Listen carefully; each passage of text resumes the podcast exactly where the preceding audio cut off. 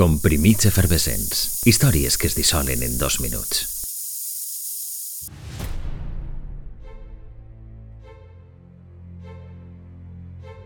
Fou en valencià, emocionant i necessària. Oltra i José María s'enfrontaren als germans Sarasol en la final del Campionat Nacional d'Escala i Corda. El zurdo de Gandia es convertiria en el primer trinquet en entrar en una nova era. Un 22 d'abril, Canal 9 retransmetia en directe per primera volta en la història una partida de pilota.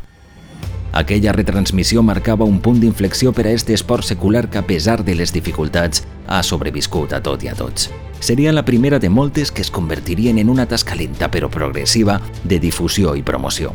Però, desgraciadament, aquell esplèndid primer impuls aniria difuminant lentament, hagueren de passar 18 anys d'aquella primera i humil telerevolució per a que el desgastat matrimoni entre la pilota i la televisió pública dels valencians guanyara de sobte una nova vida. El trinquet del genovès va transformar-se en un prototip al servei de l'espectacle televisiu. El blanc canvià al blau, el negre al blanc i el vidre obriria perspectives mai contemplades abans. El trinquet mutava i el relat audiovisual s'expandia. Amb el tancament de la televisió pública dels valencians el 2013 també s'esfumava la presència audiovisual, molta o poca, millor o pitjor, de la pilota.